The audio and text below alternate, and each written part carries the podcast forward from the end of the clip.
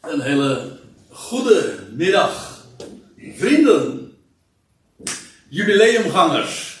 Zo moet ik het toch zeggen? en uh, het, is, uh, het is mij een groot voorrecht om, uh, om hier te mogen staan, om met jullie de Bijbel te openen. En het is wel heel bijzonder. Ik heb dat niet eerder meegemaakt dat ik bij een gelegenheid als deze, een bruiloft, in dit geval een jubileum, om een Bijbelstudie te geven. En ja, wat zou je nou gaan bespreken als je een 40 jaar huwelijksjubileum, uh, als je daar een Bijbelstudie uh, bij mag houden? Nou, u ziet het uh, achter mij al. De, de, titel van wat ik naar voren wil gaan brengen, en dat is 40 jaren. En ik zal je vertellen dat daar vanuit de Bijbel gezien heel, heel veel over te melden is. Omdat die termijn van 40 jaar heel vaak wordt genoemd. En de, de bekendste is natuurlijk wel die van de woestijnreis. Wat natuurlijk niet zo aardig is om het. Uh, om het. Uh, het is nu ja. De dorre droge woestijn. nee.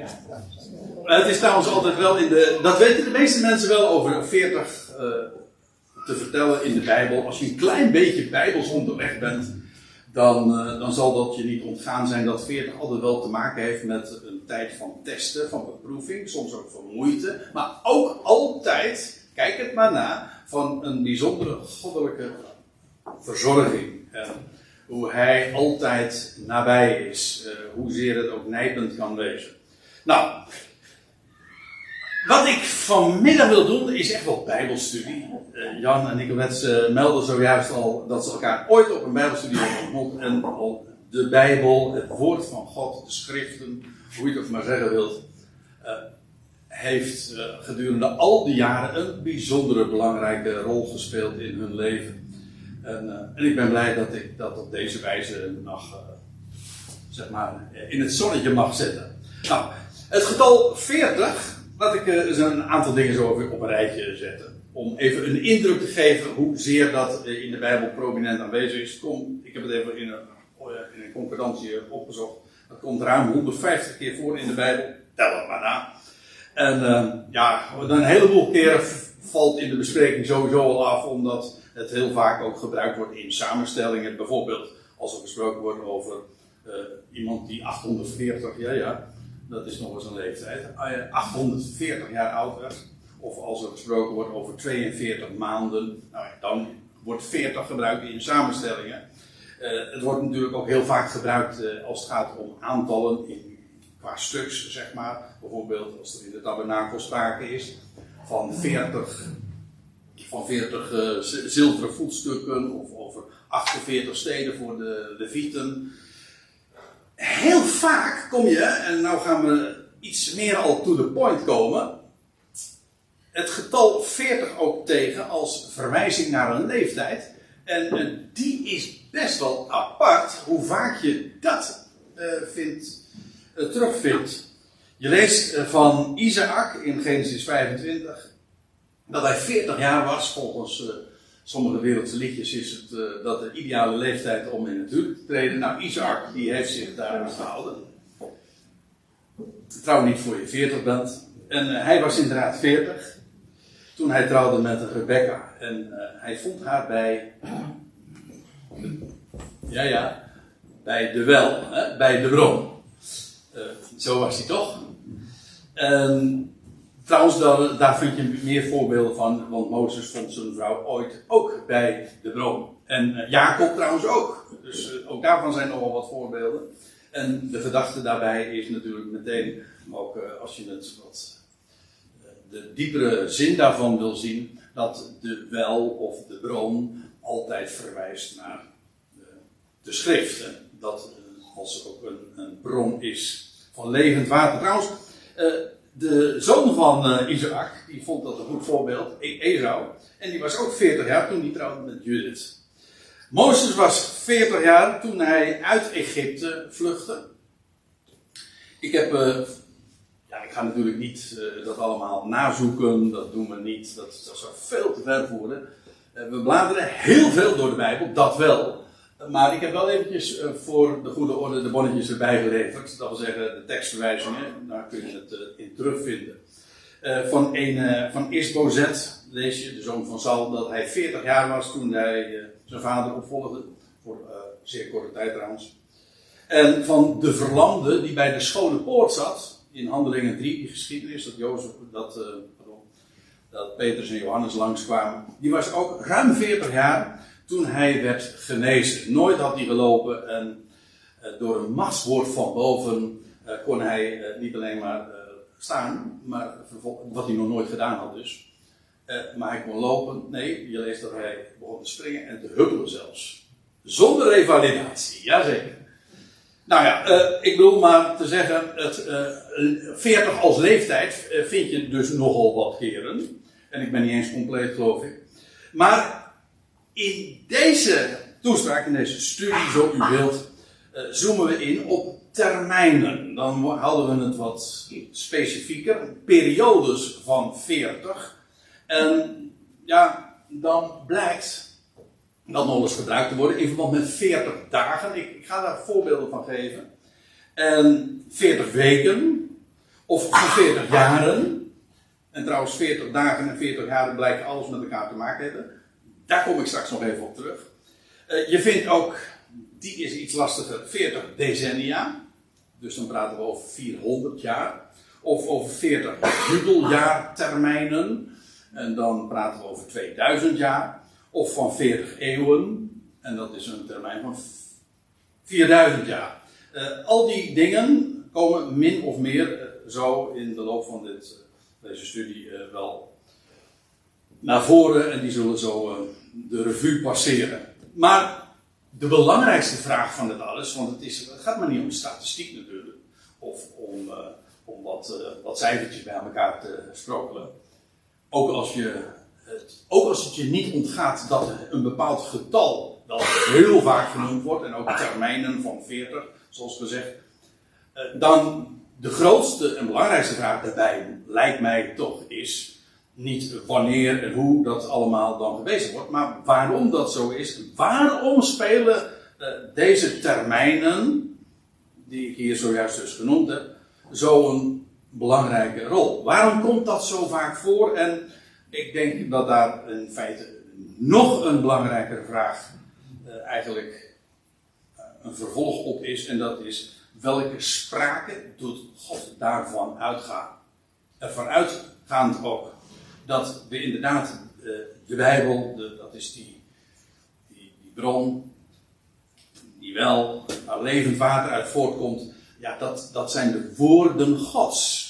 Daarin is niets te vergeefs. Dat, daar heeft alles een betekenis in. En dan, zeker als je over bepaalde dingen struikelt, over een bepaald gegeven, dan zou je de eerste vraag toch ook moeten zijn van, ja waarom is dat? Wat, wat heeft God daarmee uh, te zeggen? Nou, moet ik eerst eens nog eventjes wat... Uh, dit, dit vind ik een beetje een lastig bruggetje, maar ik moet hem toch even maken. En dat is dat als we het hebben over termijnen van 40, weken, dagen, jaren, eeuwen, decennia, et cetera. Als we het over zulke termijnen hebben, dan wil ik. Ja, dan gaan we het ook hebben over de geschiedenis van de mensheid. En dan bedoel ik dus de geschiedenis van de mensheid vanaf Adam, hè, onze aller voorvader. Want uh, het, bijzondere daarvan is, want ik moet even aantonen of uh, uitleggen wat ik, uh, waarom dat alles met het getal 40 te maken heeft. De menselijke geschiedenis puur vanuit Bijbel bezien dus, van Adam tot nu toe, die is onderverdeeld in drie gelijke periodes. En wel drie periodes van 2000 jaar. Eén loopt nog, bijna ten einde, maar die, twee, die eerste twee termijnen, die zijn inmiddels al lang en breed voorbij. Ga maar eens na. En dit is een wat lastig ding, omdat ik, ik heb ooit in het verleden Jan en uh, Nicolette waren daar uh, ook bij. Tenminste, ja, deels. Of in ieder geval hebben ze beluisterd ook. Ik heb daar ooit eens een hele lange serie, ook bijbelstudies over gegeven. Waarbij ik gewoon schakeltje voor schakeltje alles vanuit de Bijbel nagegaan. En dat wil zeggen, al die leeftijden die in de Bijbel genoemd worden, en elkaar optellen. En, en zo kom je tot een bepaalde som. Nou, vanaf de creatie van Adam, en dat nemen we dan als jaar 1, tot aan de geboorte van Abraham, wat merkwaardigerwijs precies ook het jaartal is waarin Noach stierf, dat is 2000 jaar. En de aardigheid in dit geval is niet ongeveer, maar precies. Nogmaals, ik kan dat nu verder niet uh, aantonen, want dan moet je namelijk al die de, de, verschillende geslachten, de generaties die vermeld worden, moet je de leeftijden optellen en dan komen trouwens nog wat dingetjes bij kijken. Dus dat zou veel te ver voeren. Dus ik hoop, uh, als u trouwens meer van wil weten, dan zou u op mijn website nog eens een keertje dat na kunnen zoeken als u daar interesse in hebt. Maar in ieder geval, dit is zo terug te berekenen. Dat de termijn van Adam tot Abraham 2000 jaar is. En dat daarmee ook een termijn wordt afgesloten, namelijk toen Noach stierf. Vervolgens, de geboorte van, vanaf de geboorte van Abraham tot aan de dood van Stefanus, dat is ook weer een periode van 2000 jaar. Gaan we, en, van, en daarmee bedoel ik vier keer 500 jaar. Dus dit is echt heel bijzonder. Dit zijn, uh, als, als het nou mij vraagt hoe, de, hoe de schriften de, een goddelijke hand vertonen. En, en dan, dan zie je, terwijl de Bijbel soms helemaal niet expliciet melding maakt van, van deze termijnen, maar dat onder de oppervlakte dit soort structuren zichtbaar worden, dan zeggen van dit heeft geen mens verzonnen. Maar eh, goed, de, vanaf de geboorte van Abraham volgt een periode, vier periodes van 500 jaar. Vanaf de uittocht, de, de, van, van de geboorte van Abraham tot aan de uittocht, dat is 500 jaar geweest. Soms is het trouwens heel makkelijk eh, te berekenen. Want eh, dan lees je bijvoorbeeld dat uh, Abraham was 100 jaar dat hij Isaac, dat Isaac geboren werd. En je leest ook, dat wordt al tegen Abraham gezegd, ik kom daar straks nog even op terug, dat tegen Abraham wordt gezegd, vanaf dat moment dat jouw jouw zoon geboren wordt, zullen er 400 jaar verstrijken. En in na die 400 jaar zal de uittocht uit Egypte plaatsvinden. En uh, dat volk zal dan in slavernij zijn. Dat wordt dus voordat Abraham al vader is, wordt gezegd wat er met zijn nageslacht zal gebeuren. En worden daarbij zelfs nog de, termijn, de termijnen genoemd. En die uittocht, die, en dan lees je, dat is zo apart. Dan lees je in Exodus 12 dat op het moment, op de dag dat de uittocht plaatsvindt, dan staat er van, het was precies aan het einde van die 400 jaar. Het is iets complexer dan dat ik nu zeg, maar goed, omwille van de tijd. En er staat er, er staat nog bij, het was precies na 30 en 400 jaren. En staat er op de dag nauwkeurig. Niet alleen op het jaar nauwkeurig, maar op de dag juist op die dag staat. Nou, dat zijn. Uh, en dat was in het jaar 2500 dan dus. Als Abraham geboren werd in 2000. En dan 500 jaar later was de uittocht. Dat was in het jaar 2500 dus. Aha, dat wil niet zeggen van aha. Of uh, al helemaal geen reclame voor een, uh, voor een supermarkt. Nee, uh, anno dus. Dat wil zeggen het jaar van de mens. Dus gerekend vanaf de eerste mens. Dit was trouwens het jaar 2500, dat was ook het 50ste jubeljaar. Oké. Uh, dan weer 500 jaar, ik moet, ik moet echt wat sneller gaan. Want uh, eh, 500 jaar later, dan is Jeruzalem uh, voltooid. Um, dat wil zeggen, dan is de tempel herbouwd en ook de tempel en ook de, het paleis van Salomo. Ook precies weer 500 jaar. En die is ook vrij eenvoudig, want soms is het wat ingewikkelder als je al die generaties bij elkaar moet optellen. Maar in dit geval bijvoorbeeld, ook weer ter, ter illustratie, lees je dat, uh, dan staat er dat uh, Salomo begon met de bouw van de tempel in het 480ste jaar van na de uittocht. Dat er, dus hij begon, en je leest, daar heeft hij, uh, in totaal heeft dat 20 jaar geduurd. Dus dan weten we uh, dat in het 500ste jaar was uh, de tempel, inclusief de, uh, de, zijn paleis, voltooid. Dat was weer 500 jaar later. Dan gaan we weer. De, de, de terugkeer uit de ballingschap was weer 500 jaar later. Uh, geloof me of niet, maar dat was weer na een periode van 430 en 70 jaar. 70 jaar van de ballingschap. In ieder geval weer 500 jaar. En dan vanaf dat moment, vanaf het jaar dat de, de, de, terug, van de terugkeer uit de ballingschap, dat was het eerste jaar van koning Kores, dan lees je dat er een periode weer begon van 70 jaarweken. En dat is ook weer op 70 jaar, weer een periode van uh, 70 sabbatsjaren, inclusief jubeljaren, dat is weer 500 jaren. Daniel profiteert dat. En weer ook met allerlei nauwkeurige voorzeggingen. Profetie is een. Dat, dat, moet ik er even tussendoor zeggen. Profetie, dat wil zeggen. Betekent letterlijk voorzegging. Profetie.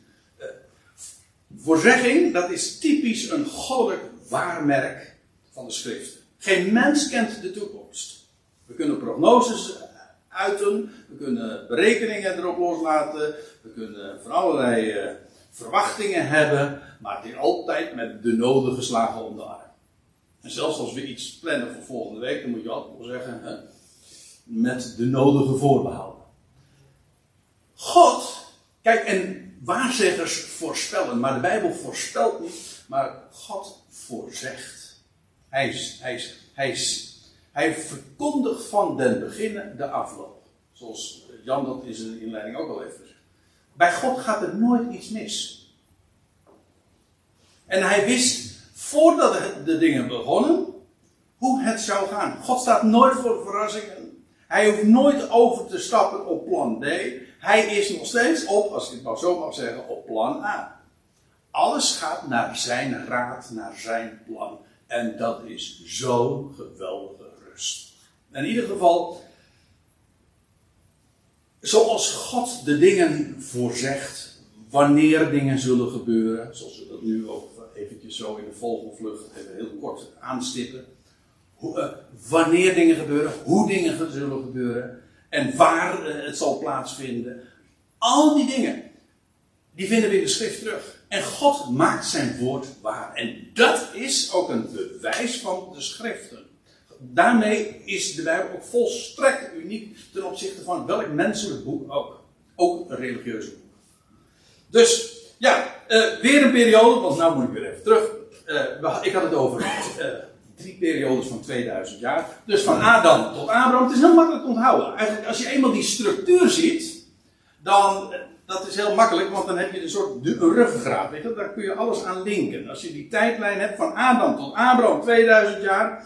Van Abraham tot aan Christus, voor het gemak even. Of meer specifiek de dood van Stefanus, was weer 2000 jaar. Nou, en nu zijn we inmiddels weer bijna 2000 jaar verder. Nou ja, er zitten er nog een paar jaar uh, zijn er nog te gaan. Uh, daar ga ik het nu niet over hebben. Het enige wat ik. En dat wil overigens wel zeggen. Uh, dat er weer een termijn bezig is te verstrijken. Met rassen spreken. En dat is ook de reden waarom.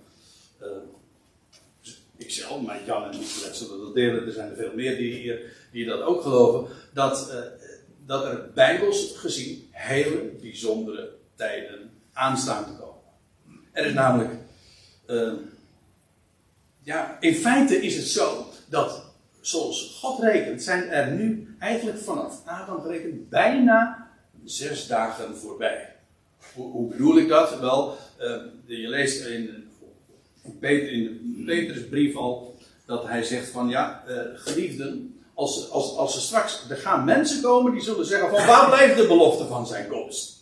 Hij zegt, en dan gaat Petrus daarop in, in zijn brief, en dan zegt hij, maar dit ene mag u niet ontgaan, geliefde, dat voor de Heer één dag is als duizend jaar, en hij herhaalt dat, en hij zegt, en duizend jaar is één dag.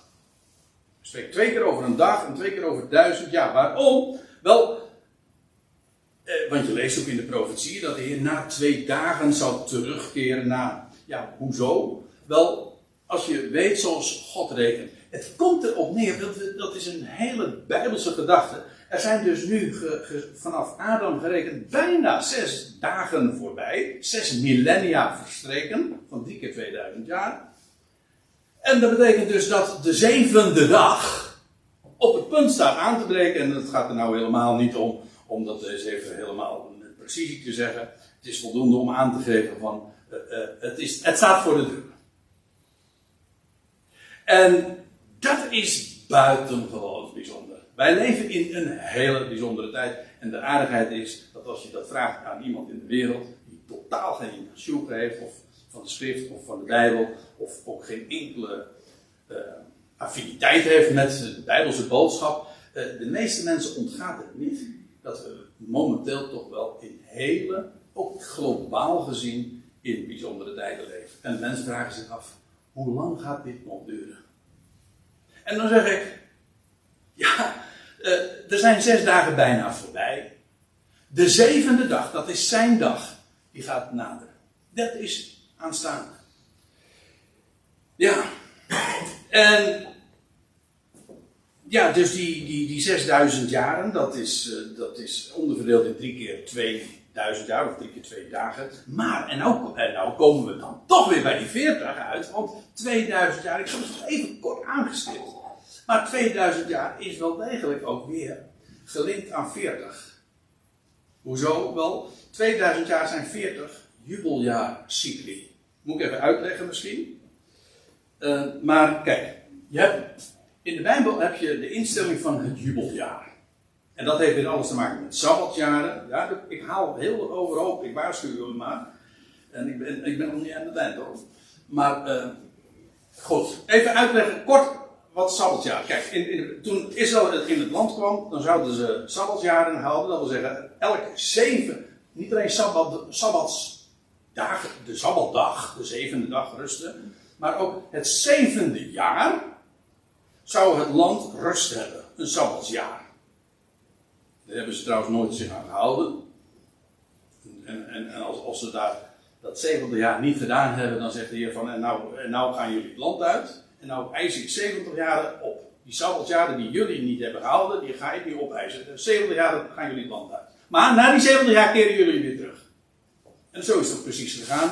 Met 70, 70 jaar de ballingschap is het volk weer teruggekeerd. God houdt zijn woord. Oké. Dus elk zevende jaar is een sabbatsjaar. En dan krijg je dus uh, een sabbatsjaar. En na zeven jaar later weer, uh, weer een sabbatjaar. En dan krijg je weer een sabbatjaar. En het 28 jaar weer een sabbatjaar. Vijfde sabbatjaar, zesde sabbatjaar. En dan heb je het zevende sabbatjaar. Dat is dus het 49 jaar. Bent u er nog? Ja, ja, je nog. Ja. Ik heb niemand weg zien gaan. Oké. Okay. Het zevende jaar, dat is dus het 49ste jaar. En na het 49ste jaar krijg je, ja ja, het 50ste jaar. En dat is dus het jubeljaar. Het 50ste jaar is het jubeljaar. Je vindt het allemaal terug, die hele regeling, de instructies daaromtrent, vind je uh, terug in, uh, in Leviticus 25. Heel uitgebreid, allemaal gedocumenteerd. In ieder geval, het 50ste jaar is het jubeljaar. Maar dat betekent dat dus elke eeuw twee jubeljaren telt. Het 50ste jaar, het 100ste jaar. En na 500 jaar zijn er dus 10 jubeljaren, 10 jubeljaarscycli, zeg maar, eigenlijk verstreken. En dat betekent dus 2000 jaren zijn dus 40 jubeljaren, of 40 jubeljaarcycli, zo u wilt. Oh, en 6000 jaar is, is ook interessant, 6000 jaar is dus 120 jubeljaarcycli. Of even wordt gemaakt 120 jubeljaren. Hé, hey, en ik had het net over Mozes. En 40. Maar nou komen we op nog iets. Want die drie keer eh, 40 jubeljaren, waar ik het zojuist over had, drie keer 2000 jaar, vind je ook weer terug in het leven van Mozes. Dat wil zeggen op een ander niveau. Maar ook Mozes' leven is onderverdeeld in drie keer 40 jaren. Heel eigenaardig. Hij werd uh, ooit uit het water getrokken. En toen had hij ook meteen zijn naam, want Mozes betekent uit het water getogen, uit het water getrokken. Dat was een. Hij was in een arkje gelegd. Hè? In een, een, hetzelfde woord als dat ook in verband met de ark van Noach gebruikt wordt. En 40 jaar later, in die 40, eerste 40 jaren van zijn leven, was hij prins daar aan het hof van farao. En dan lees je in, in, in, naar, op zijn 40ste dat hij ging omzien naar zijn eigen broeders. Zijn Hebreeuwse, dat Hebreeuwse volk dat het zo zwaar te verduren had. En ja, toen, uh, toen ging er iets mis, tenminste dat dacht Mozes. En toen werd hij, uh, toen uh, moest hij vluchten, want hij had een, een Hebreeër, nee, een Egyptenaar, nee, Egyptenaar natuurlijk, had hij doodgeslagen. En toen moest hij vluchten, en toen is hij, heeft hij 40 jaar in de woestijn vertoefd. En toen was hij herder geschapen, hij kon alvast even oefenen, zeg maar. Daar kwam het eigenlijk op neer, want hij zou later alsnog een, op een veel hoger, groter uh, mooier, menselijker niveau ook herder worden. Maar eh, 40 jaar, lees, na verstrijken van 40 jaar lees je, dat hij dan bij die braamstruik uh, wordt geroepen. Was hij, was hij inmiddels dus 80.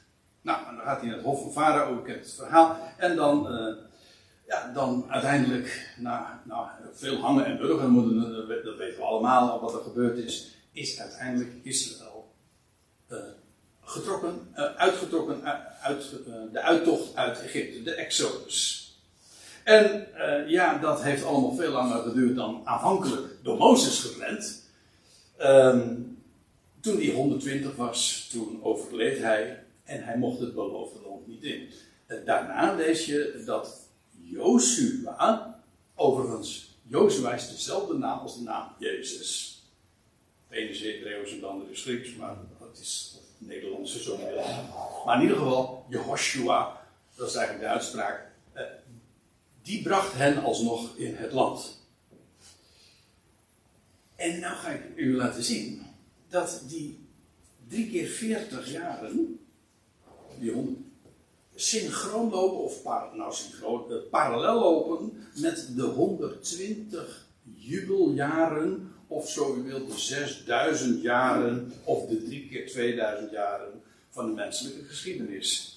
Eerst kwam uh, bij de schepping, trouwens later ook weer land uit het water.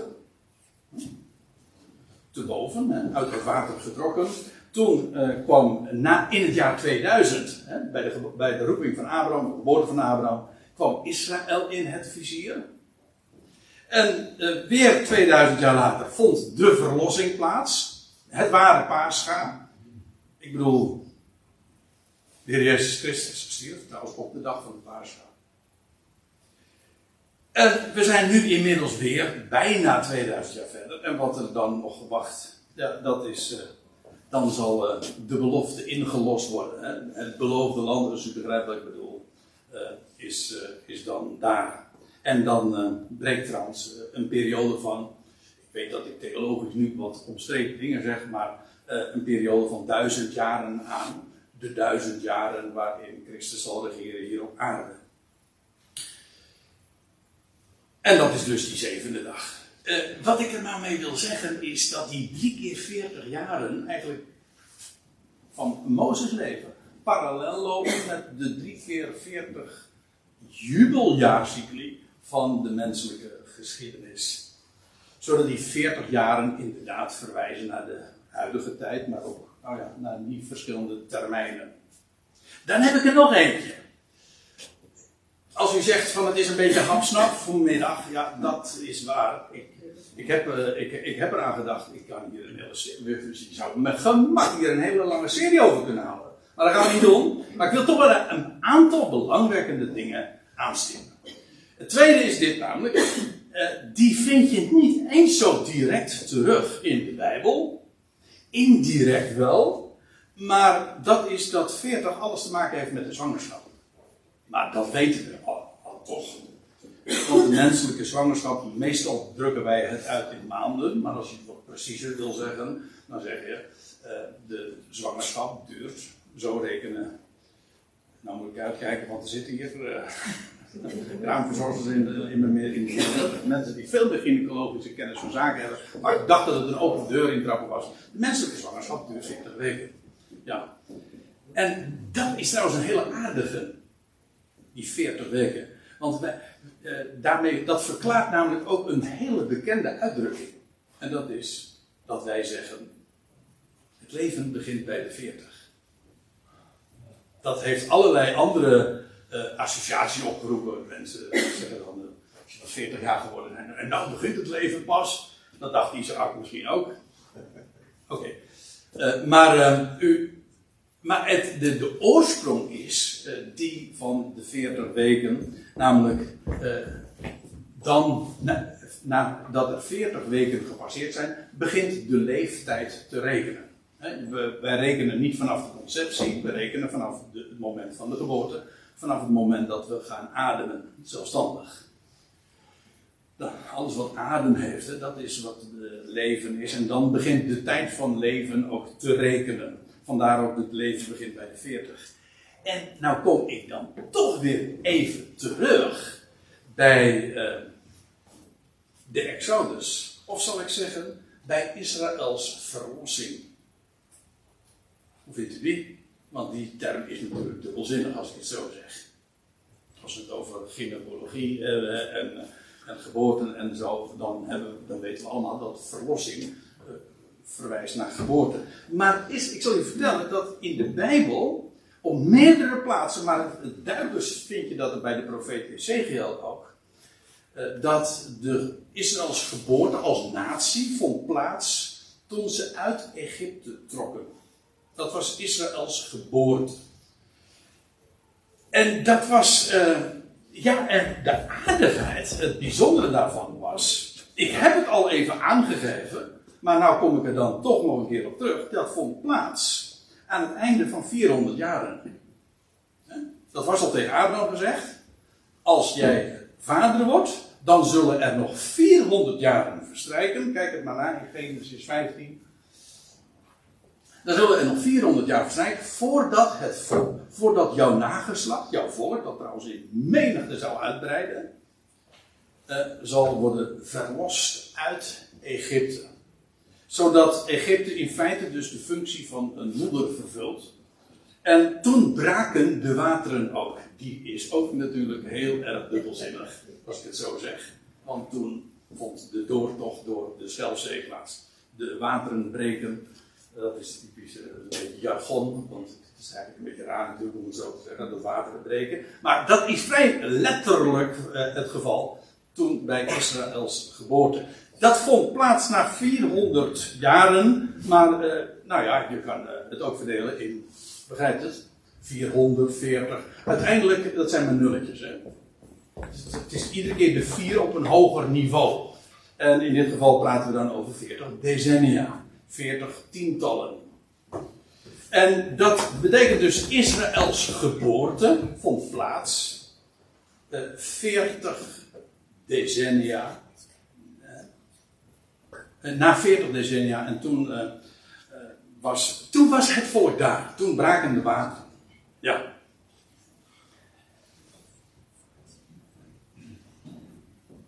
Heb ik er nog één? Uh, die mag ook niet onvermeld uh, blijven. En dat is de 40 dagen en de zonvloed. Want uh, je leest, nu gaan we weer even naar dagen toe. maar dat in Genesis 7, dat, dat God voornemens is de aarde te verdelgen. Dat had allerlei redenen, maar die doen nu niet, niet de zaken. Maar dan lees je dat ter inleiding, en dat was al nooit plaatsgevonden op die wijze maar toen regende het 40 dagen, de sluizen des hemels gingen openen, de kolken van de water typten, etc. In ieder geval, na 40 dagen, eh, staat er heel expliciet dat het 40 dagen regende. Die wil ik er toch even nog uitlichten, want uh, nou moet ik iets uh, vertellen over uh, Hebreeuwse letters. Hebreeuwse letters zijn in feite een soort pictogrammen. Maar het zijn, het zijn ook cijfers. Dat is eigenlijk een, vergelijkbaar met de Latijnse letters. Dat zijn ook cijfers. En dan krijg je dus de, de, eerste letter is de 1 en de bet, de tweede letter is de, de 2. En, nou, je kunt, en dan kom je bij de 5 en dat is de he. Kennen we een heitje? Ons heitje, dat is eigenlijk Jiddisch, komt ook weer via, via uit het Hebreeuws. Maar de hei, is een, dat zijn vijf stuivers. Vijf keer vijf centen. Uh, en uh, trouwens, als je nog weer even verder gaat, kom je bij de Jod, bij de Job. De tiende letter. Een Jod. Ja, precies, dat is de tien. De tiende letter is de Jod. En als je dan nog even doorlet, dan krijg je de Jod, de Kaf, de Lamet, de Mem, de Mem. Ja, de, en de dertiende letter, dat is de, dat, dat is, die staat voor het getal 40. Dus je krijgt 1, 2, 3, 4, 5, 6, 7, 8, 9, 10. En dan 20, 30, 40. En die, die, die 40, dat is de mem. Uh, waarom zeg ik dat? Wel, uh, dat is het. Uh, dat getal 40, dat is dus eigenlijk, of de letter mem, uh, dat is namelijk niet alleen een cijfer, maar ook nog eens gewoon een woord.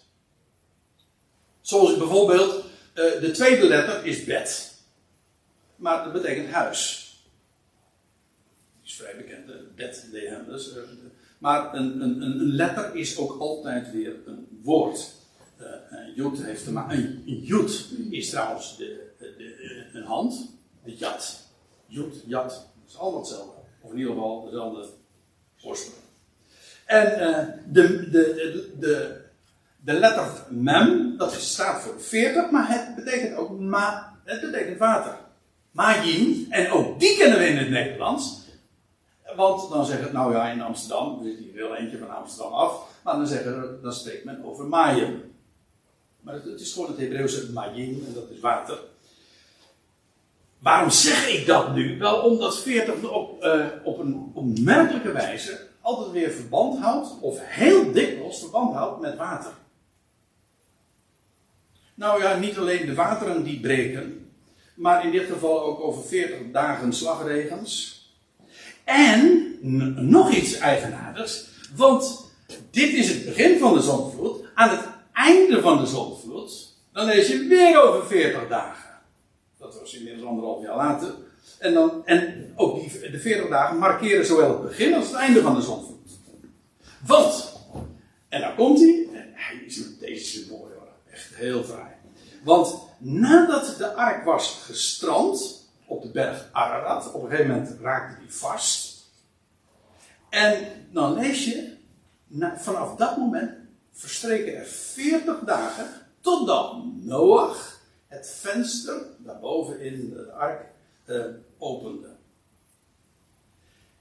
En weet je wat nou zo eigenaardig daarin is? Dat loopt weer parallel met de 40 dagen na de opstanding. Die kennen we ook. Want ik noem nu de 40, twee keer 40 dagen in verband met de zonsvloed. Maar je hebt ook de, de Jezus stierf. Drie dagen later stond hij op uit de doden. Godzijdank als de eersteling. En 40 dagen later. Nou, laten we het eh, eventjes. Uh, laat ik het nog eventjes uh, zo uh, aangeven, wat schematischer. Je vindt dus. De ark vindt vaste grond. En 40 dagen later opent Noach het venster en laat hij eerst een raaf los. En nog een dag of, later, uh, nog een dag of wat later een duif. En die duif komt dan met een olijftak. Dat was ongeveer 50 dagen later. Ik hoop dat u hem hebt alvast.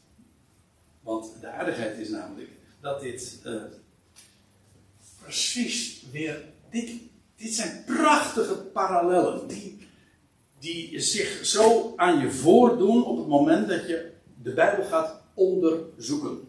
En ik bedoel dat letterlijk. Als je dus gaat zoeken onder de oppervlakte. Niet alleen maar de verhalen die je op de zondagschool hoort, leest en op tot je neemt, maar wat betekent het? En uh, schrift met schrift gaat vergelijken. Hé, hey, daar is 40 dagen, daar weer 40 dagen. Is er overeenkomst, dat is de samenhang.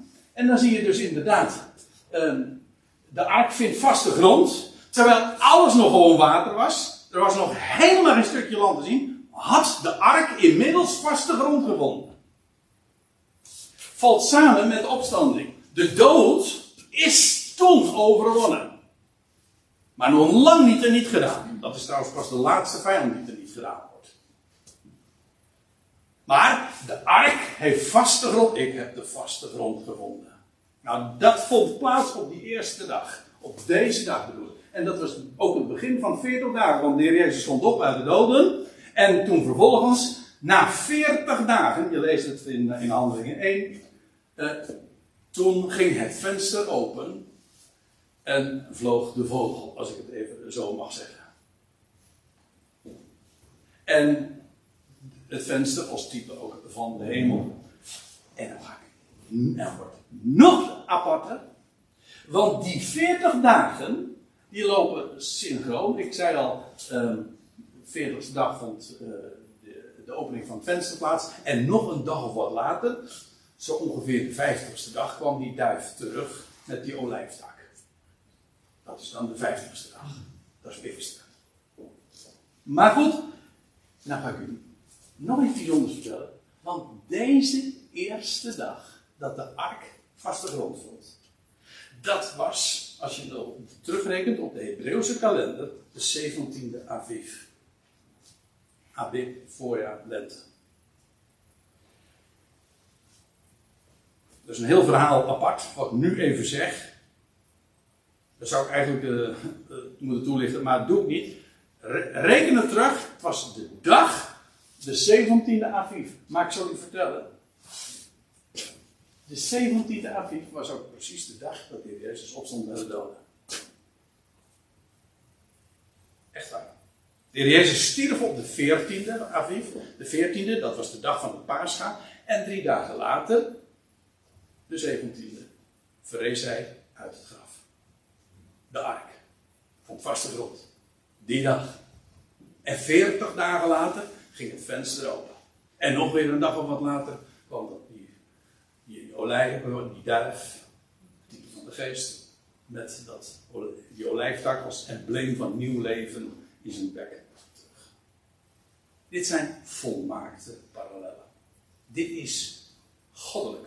Dit is design. Dit is er maar één die dat zo kan regisseren. Kijk, je, het is niet, alleen, niet alleen maar die feiten zijn geweldig, maar dat God dat ook allemaal zo timed. God is de, de grote regisseur die alles een plek geeft in ruimte, maar ook in tijd. En dat, ja, ik had het zojuist over profetie, voorzegging, dat een waarmerk is van Gods woord en waarmee God zichzelf ook bewijst. Maar ook deze dit soort structuren, dit soort structuren uh, die zich onder de oppervlakte voordoen, dat bewijst wederom dat we te maken hebben met goddelijk woord. En ja, dat, is, dat zijn prachtige dingen om dat met elkaar te delen. Het lijkt me ook uh, bij een gelegenheid als deze toch ook schitterend om dat, uh, dat met elkaar te bespreken, te overdenken.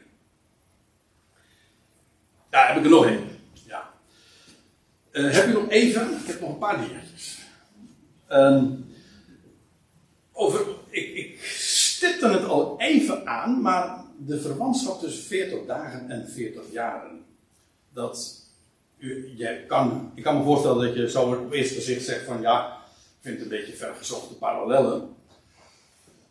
Maakt namelijk nogal een verschil hè, qua termijn, 40 dagen of, eh, of 40 jaren.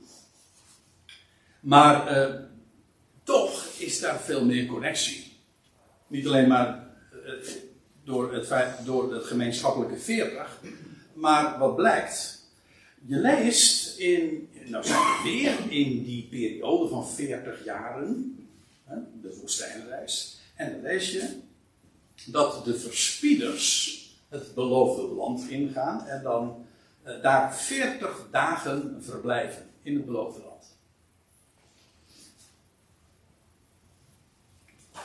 zie het iedere keer als ik zulke dingen zeg of uh, naar voren breng, expres de tekst er even bij, dus je kunt nazoeken.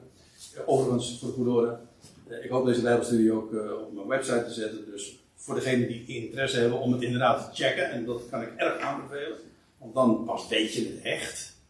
Dat je het zelf met je eigen ogen gezien hebt in de schrift. Ik reik het u aan en u moet zelf als een berea, als u begrijpt wat ik bedoel, dat zelf maar checken en onderzoeken of het inderdaad klopt. Bedoel, eh, ik, ik het aan. Ik, ik ben geen, eh, ik ben geen paus. Ik zeg niet van zo is het. Ik zeg, dit heb ik gevonden. Dit wil ik graag de- delen met u. Dit is zo rijk. En eh, het is aan u om daar eh, ja, gewoon eh, dat te controleren. En eh, nou, eh, even bij mijn verhaal blijven. Eh, de verspieders die verbleven 40 dagen in het land. Dat is vrij bekend, hè, wat ik nu zeg. En toen bij terugkeer, toen die, die, die, die twaalf verspieders weer terugkwamen bij het volk, eh, ja, toen zagen er tien het totaal niet zitten, maar er waren er twee van die twaalf, Jozua en Caleb. Die zeiden van ja, eh, het is geweldig, maar ehm, en, en die tien zei van ja, we, we hebben daar reuzen gezien, dit, gaan we echt, dit gaat nergens nooit lukken. En Jozua en Caleb zeiden, wat, wat dachten jullie nou? God heeft het ons beloofd. God geeft het. Dus, wat, even met mijn eigen woorden, wat bieden jullie nu? Wat, wat, wat zeuren jullie? Geloof nou gewoon wat God gezegd heeft. En Jozua en Caleb stonden erop. Maar je, nou, we weten allemaal wat de reactie van het volk was. Die, die geloofden de, de tien, de meerderheid. Dat is trouwens algemeen zo. En mensen geloven, denken, ja, mensen denken dat de waarheid democratisch is, maar prijs God dat dat niet zo is. En eh, in ieder geval, het was ook niet toen, het is, altijd, altijd zo, in de Bijbel, kijk het maar na, het zijn altijd minderheden. Maakt niet uit. Eh, in ieder geval, ze geloofden, het volk geloofde het uh, niet. En dan lees je dat God zegt, vanwege dit ongeloof zal het, dit geslacht, deze, die, de Bijbel rekent daar 40 jaar voor, generatie, dit geslacht zal het beloofde land niet ingaan. Allemaal, stuk voor stuk, die, de, die ooit de uittocht meemaken, zullen niet in het beloofde land aankomen. Trouwens, inclusief Mozes. Dat had trouwens weer een andere reden. Maar, op, eigenlijk dus niemand van die generatie zou het beloofde land ingaan. Op twee namen. Joshua en Caleb. En God zegt dan, uh, er, nou, er zouden nog 38, dit was het tweede jaar, er zouden nog 38 jaar volgen dat het volk gewoon in de woestijn uh, zou rondbanjeren. Dat was eigenlijk volstrekt onnodig, want ze hadden in no, time daar kunnen, in het beloofde land kunnen wezen. Maar dat mocht niet. En dan staat er ook bij, uh, voor al die 40 dagen dat de verspieders daar in het beloofde land hadden vertoefd, zou God 40, uh, voor elk van die dagen zou hij een jaar rekenen. Dat wil zeggen, 40 dagen zijn ze geweest. Jullie, jullie gelo geloven niet uh, het getuigenis van die 40 dagen. Dat wil zeggen, het waarachtige getuigenis van die 40 dagen. 40 jaren zullen jullie hier in de woestijn rondzwerven. Ja. En uh, dat wil zeggen, voor elke dag een jaar. Dus die 40 dagen werden ineens 40 jaren. Ziet u dat het niet zo gek is wat ik zojuist zei over 40 dagen, 40 jaren, 40, trouwens ook 40 eeuwen. Uh, dat, zijn, dat, zijn, dat is op zich een hele bijbelse gedachtegangen. En die 40 jaren in de woestijn, ja, uh, dat is eigenlijk wat ik nu eigenlijk ook wil zeggen. Die spreken van de huidige tussentijd. Ja, de aanleiding is natuurlijk de, de 40 jaren die die Jan en Nicolette erop hebben zitten. Ja, maar nou gaan we het eventjes op een bijbelsniveau zeggen. En zeggen, waar, waar spreken die 40 jaren nou van? Uh, nou, dat kan ik niet eens op, uh, allemaal samenbrengen op één ding. Maar in ieder geval, als we het hebben over die 40 jaren hier, hè, die Israël in de woestijn moest blijven. Het spreekt eigenlijk van de tijd, van een tussentijd. Namelijk de tijd tussen de verlossing. Ik bedoel nu de Israëlse geboorte, de uittocht uit Egypte. En het bereiken van het beloofde land. Die 40 jaar, daar spreekt het van. Eigenlijk spreekt het ook. Deze is ook mooi. Want wat gebeurde er eigenlijk? Het volk geloofde niet in Joshua. En daarom omdat het volk Israël niet geloofde in Jozua, moesten ze nog 40 jaren in de woestijn blijven. En daarna pas zouden ze in het beloofde land komen. Maar dit loopt perfect weer parallel met ook uh, wat er gebeurde bij de verlossing. Ik bedoel, bij wat er ooit gebeurde in, uh, bij Pascha, dat de, Heer, dat de Heer Jezus Christus stierf en opstond bij de verlossing. Het ware Pascha. En wat gebeurde er? Men, het volk geloofde niet in Jozua. U begrijpt nu wat ik bedoel, hoop ik. Dat wil zeggen, het volk geloofde niet in Joshua. En daarom is het beloofde land niet meteen uh, gekomen. Of zijn ze niet in het beloofde land meteen aangekomen. Maar vond er een onderbreking plaats. Een tussentijd. Namelijk 40 jaar. Maar u begrijpt inmiddels, uh, dat spreekt eigenlijk van 40 jubeljaren, van 40, van 2000 jaren. De Heer, zoals de Heer ook had gezegd al dat, tegen de profeet, ik zal na, na twee dagen terugkeren. Op de derde dag zal ik Israël doen ontstaan. Ik geef toe, het is misschien, het zijn wat gedachtensprongen en het is van het een naar het ander. Maar dit zijn lijnen die de schrift zo aanreikt. In ieder geval die 40 jaren, het spreekt van de tijd tussen de verlossing en het beloofde land. Tussen dat wat er gebeurde bij de eerste komst van Christus, 2000 jaar geleden, en dat wat aanstaande is te gebeuren. Namelijk als uh, de grote Sabbatdag gaat aanbreken. Of anders gezegd, als de dag gaat aanbreken dat Israël zal opstaan uit de dood. Of op de derde dag trouwens. Maar nu op een ander niveau dus. En uiteindelijk, en dat is zo mooi, Joshua geloofde ze aanvankelijk niet. Maar uiteindelijk is het Joshua die het volk alsnog in het beloofde land bracht. Een hele tijd later. Degene die het volk eerst afwees, zullen ze alsnog later, via hem, zullen ze uh, in het beloofde land komen. En God heeft nog geweldige belofte ook voor dit volk weggelegd. En het is aanstaande omdat dat, dat vervuld gaat worden. En dan gaat Jozua aan de spits. En dan zal hij hen. Uh, en dan zal het volk wedergeboren worden. Trouwens, dan worden de wateren ook weer gebroken. Als je begrijpt wat ik bedoel. Die van de Jordaan dan. Jongens, uh, ik, uh, terwijl ik hier sta. Nee, denk ik, goh, ik zou nou eigenlijk dit ook moeten zeggen. Maar ik, ik, ik moet me even inhouden. Maar dit, is, dit zijn zulke geweldige perspectieven. Dit is niet alleen maar mooi, zo geregisseerd, getimed. En, en, en dit is niet alleen maar kunst. Dit is kunst met een grote K. Goddelijk. Zoals hij dat in de schriften naar voren brengt. Niet alleen voorzegt, maar ook illustreert. Het is eigenlijk één groot plaatjesboek erbij. En en het verraadt zijn design. Nou, uh, het wordt tijd om uh, wat afsluitende dingen te zeggen, want uh, ja, we willen zo meteen ook nog een hapje eten natuurlijk. Maar laat ik het al af mogen ronden. Kijk, die 40 dagen of jaren, het is maar hoe je het wil, zijn eigenlijk een hint naar de zwangerschap. Naar 40 weken dus eigenlijk. Naar een geboorte. En ja, waardoor wordt een, eh, een zwangerschap gekenmerkt? Ik spreek niet uit persoonlijke ervaring, maar toch, ik heb het van nabij toch wel enigszins meegemaakt. In het algemeen, het is een periode, een moeizame tijd, ook van beproeving. Dat is trouwens ook karakteristiek van die 40 jaar. Van, ja, van de 40 jaar in het algemeen. En, uh, van de 40 dagen dat de Heer Jezus trouwens ook verwoest, ver, verzocht werd in de woestijn daarvan? Nee, ik ben, u dacht dat ik compleet was vanmiddag. Nou, dat is niet waar hoor. Ik, ben, ik heb alleen maar een paar dingetjes aangestipt, aangereikt, misschien de meest bekende wel. Maar uh, in ieder geval, die veert, de tijd van de zwangerschap is een moeizame tijd van beproeving. Maar ook, nou Jan en Nicolette hebben er zelf uh, van getuigd. Als je hem mag kennen, uh, dan is het ook zo, hij zorgt. Hij geeft wat nodig is.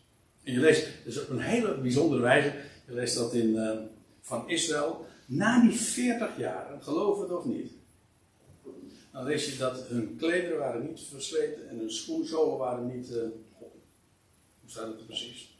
En ze hebben geen gebrek. De Heer heeft altijd voor ze gezorgd. Zo volgde soms van die kwakkels en, uh, en van, van, van het manna. Maar hij gaf ze alles wat ze nodig hadden. En overvloed. Kijk, zo is God. Had hij ook gezegd. Dus dat kan wel moeilijk zijn. Maar God, geef dat nou. En die 40 jaren is dat zo gebeurd. En daar spreken de 40 jaren in het algemeen van. En 40 dagen. En al die lijnen vind je in de Bijbel zo terug. En het is ook een tijd, tijd trouwens van verborgenheid. Maar ja, als u begrijpt de link met zwangerschap, dan snap je dat ook. Want een zwangerschap is niks anders dan dat het kind nog verborgen is. En na de verborgenheid vindt de, in het Nederlands kan je het mooi zo zeggen, vindt de openbaring plaats. Toch? De verlossing na de 40. En dan is het niet meer verborgen, maar dan wordt het openbaar. En dat is trouwens ook wat de Heer. De zoon gaat straks openbaar, openbaar worden. Hij is nu nog verborgen, maar straks wordt hij openbaar. En de hele schepping, lees je, is in barensnood. Zegt Paulus in Romeinen 8. Ja, maar met opgeheven hoofden staat er. Hè? Met opgestoken hoofden ziet ze uit naar de verwachting. Want niet, en daar staat er nog bij in Romeinen 8, um, in hopen, um, omdat God zelf haar, uh, ze, is onderworpen, staat aan de vruchteloze, niet vrijwillig dat wil zeggen, ze heeft daar niet zelf voor gekozen. Ach, lieve mensen, waar kiest de mens nou uiteindelijk zelf wel voor? Nee, niet vrijwillig, maar om hem die haar, de schepping, daaraan heeft onderworpen. In hoop, in verwachting. Kijk, hoe moeilijk de, de tijden ook zijn, maar God is een God van hoop. Bij hem gaat er nooit niet alleen maar niks mis. Maar bij hem is het ook altijd eindgoed. Dat vind ik zo geweldig. Dat is de hele Bijbelse Het kan zo moeilijk zijn. Weet je waarom? Dat is niet vanwege onze verdiensten. Jan heeft het volgens mij perfect eh, al onder woorden gebracht. Maar ik wil zo graag dik onderstrepen. God laat niet varen het werk van zijn handen. En al, en al neemt hij al, dure dingen, ionen, eeuwen. Een ogenblik duurt zijn toren maar een leven lang zijn goede tierenheid. Toren, lijden, dood, het heeft nooit het laatste woord. En als u voor mijn part, nou liefst niet natuurlijk, maar voor mij part vergeet u alles wat ik vanmiddag verteld heb. Maar onthoud alsjeblieft dit. Er is één God. En hij heeft alles in zijn hand. En hij brengt alles volmaakt, perfect, tot een goed einde. Vertrouw op die God. En ja, en dan, krijg, dan kom je voorbij de 40 natuurlijk. En dan kom je bij, ja, gewoon, er, zijn, er zijn allerlei trekwoorden. Dat is het laatste wat ik erover wil zeggen. Voorbij de 40 is de verlossing. En dan krijg je Jozua, de zoon van Nun. Dat heeft niks met Nuns te maken, denk ik. Trouwens, ik wil nog even zeggen. Mag het nog? Ik, zei, ik had het net over Hebreeuwse letters. Over de Jood, de He, en de mem is de dertiende letter, de mem. En weet je wat je na de mem krijgt? M, dat is het Nederlands alfabet trouwens ook. Na de M krijg je de N. Nico. In het Hebreeuws is dat de noen. En zoals de, de M staat voor de 40, maar de mem staat de noen voor de 50 daarvan? Jozua, de zoon van Nun. Nun is de 50. Dan voorbij de 40 kom je in de 50.